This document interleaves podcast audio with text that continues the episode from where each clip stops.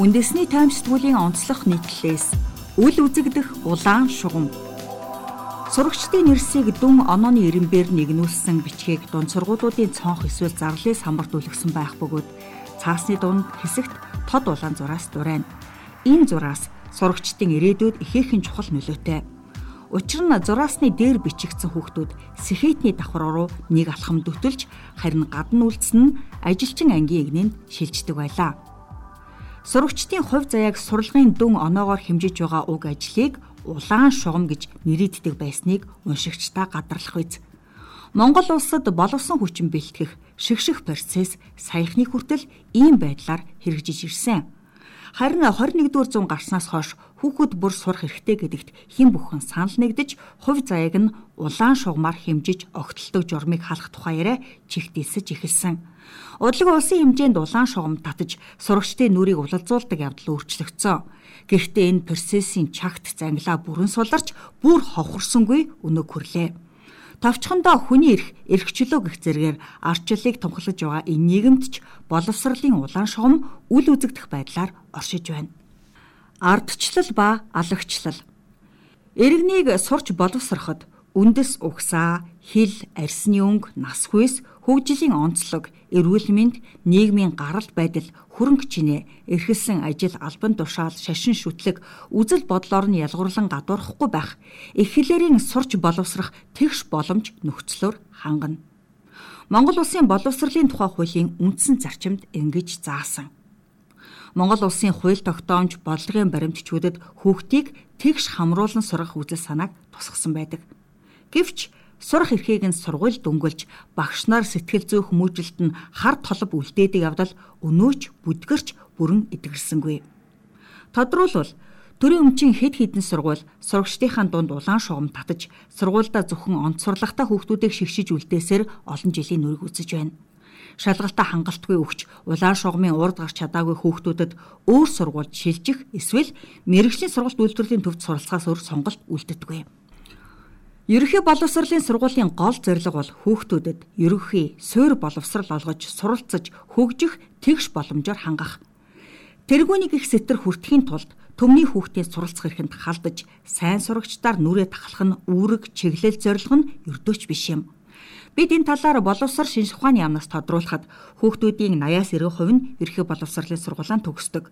Улаан шугам татаж ихтэй сургуульд элсэх боломжийг нь хаадгүй гэсэн хариулт өгсөн юм а. Сургуулиуд сайн хүүхдийг шилж саарыг нь түлхэж байгаа явдалд ямар нэгэн хяналт тавьдаг эсхийг лавлахад хүүхдүүд олон шалтгаанаар сургуулаа сольдог. Яг улаан шугам тэнцээгүн улмаас сургуулаа сольж байгаа гэдгийг тодорхойлох боломжгүй. Улаан шугам татаж хүүхдийг сургуулаас хөөдөг гэж бодохгүй байх гэсэн бүрхэг бөөрхий хариулт өгсөн юм. Дөнгөлүүлсэн боловсрал. Шагнал мөнгө шан харамж алдар хүндийн төлөө нүдэ ухаас буцахгүй үйлдэл үгээр дуусахгүй. Сүүлийн жилүүдэд аймаг дүүргийн боловсролын чансааг тухайн жилийн төгсөгчдийн эсэлтийн ерхий шалгалтын дундаж оноогоор үнэлдэг болсон гэхэд хэлсдэггүй. Тиймээс удирдах албан тушаалтнууд нутгийнхаа боловсролын салбарын нэр хүндийг шавхаатаа утгахгүй тулд эсэлтийн ерхий шалгалтанд сурагчдаа сайн бэлтгэсэн сургууль багшийг урамшуулж мөнгө шагнал олгодог болсон. Мөн их аймаг дүүрэг төгсөгчдийн онооны дунджаар сургуулийн болон багшийн ажлын үр дүнг харж үнэлдэг байна. Ийхүү сургалтын чанарыг сайжруулахыг хичээж багш нарын хөлмөрийг үнэлж байгаа нь сайшаалтай. Гэвч ажлынхаа үр дүн гүсгэж авдаг хэдийгэ нэмүүлэх хүсэлтэй багш нар хүүхдийн хүссэн хичээлээ эсэлтийн ерхий шалгалт өгөх эрхийг нь хязгаарлаж байна. Бүр зарим сургууль сонгон давталгад хамрагдсан хичээлээрээ л эсэлтийн ерхий шалгалт өгөхийг шаарддаг бол зарим нь нэг хүүхэд 3-аас дээш хичээлээр шалгалт өгөхийг хоригддаг байна. Хичнээн хичээлээр шалгалт өгч ямар мэрэгжил эзэмших нь хүүхдээ ирэх Гэвч өөрийн болон сургуулийн үнэлгээнд нөлөө үзүүлнэ гэх бичил шалтгаанаар сурагчийн эрхэнд халдаж ирээдүг нь харлуулна гэдэг ёс зүйд үл нийцнэ. Орлого олдгүй диплом Боловсролын салбарын анхдагч үүргийн нэг нь чанартай боловсон хүчин бэлтгэж хөдөлмөрийн зах зээлд хэрэгцээтэй бүтээгдэхүүн бий болгох. Гэвч гол шугамаасан хазааж, урамшуул шан харамж хит хөөцөлдөж, хөрцгөлсний балгаар манай улсад хөдөлмөрийн зах зээл хөл толгоогоо алдаж, дипломтой ажилгүйчүүдийн игнээ хүрээгээ улам тэлсээр байна. Тоос өхвөл 2021 оны 1-р улирлын байдлаар ажилгүйчүүдийн тоо өмнөх оны мөн үеэс 18.5 мянгаар буюу 23 хувиар нэмэгдэжээ. Бүртгэлтэй ажилгүй иргэдийн мэдээлэлс харахад дээд боловсролын дипломтой ажилгүй хүмүүс жиндарж байгаа юм. Ажилгүйчүүдийн 3.3% нь боловсралгүй, 24.8% нь техникийн болон мэрэгжлийн, 23.2% нь бүрэн дунд, 28.7% нь бакалавр, 7.5% нь суур боловсралтай байгаа талаар үндэсний статистикийн хорооноос гаргасан хөдөлмөрийн зах зээлийн тойм судалгаанд дурдсан байна. Харин 1.4% нь бага, 6.4% нь тусгай мэрэгжлийн дунд, 1.7% нь магистр болон түүний дэс боловсролын түвшинтэй байгаа. Ажил мэргэжлийн тэнцвэр алдагдав. Ажлын байр хангалтгүй, ажиллах нөхцөл хүнд учир ажилгүй иргэдийн тоо нэмэгдэж байгаа гэх ойлголт бүр ужирлаа. Гэвч үнэ хэрэгтээ сул ажлын байр ажилгүй иргэдийн тоотоо дүүхэр байгааг сүүлийн үеийн судалгаа харуулж байна. Энэ оны байдлаар хөдөлмөрийн зах зээл дунджаар 20-30 мянган ажлын байр эзэнгүй байна гэх статистик бий ажлын байрч ажилгүй иргэд ч илбэг байгаа нь ихтэй сургууль эсэгчдийн олонх нь хөдөлмөрийн зах зээлд илүүцсэн эрэлтгүй мэрэгжил эзэмшиж байгаатай холбоотой. Энэ онд ажиллах хүчний эрэлт хамгийн их байгаа салбар нь бөөний болон жижиглэн худалдаа, барилга, боловсруулах үйлдвэр, зочид дуудлал болон нийтийн хоолны үйлчилгээний салбар байгаа талаар хөдөлмөрийн зах зээлийн эрэлтийн барометрийн судалгаанд дурдсан байна. Гэвч ихтэй сургуульд суралцж байгаа оюутнуудын олонх нь буюу 60% нь нийгмийн ухааны салбарын мэрэгжил эзэмшиж байгаамаа. Үүний улмаас зарим мэрэгжлийн мэрэгжилтэн хит олширч зарим нь нэн ховор олж байна. Удалмаар хөдөлмөрийн зах зээл дээр цөөнгүй ажлын байр эзэнгүй байна.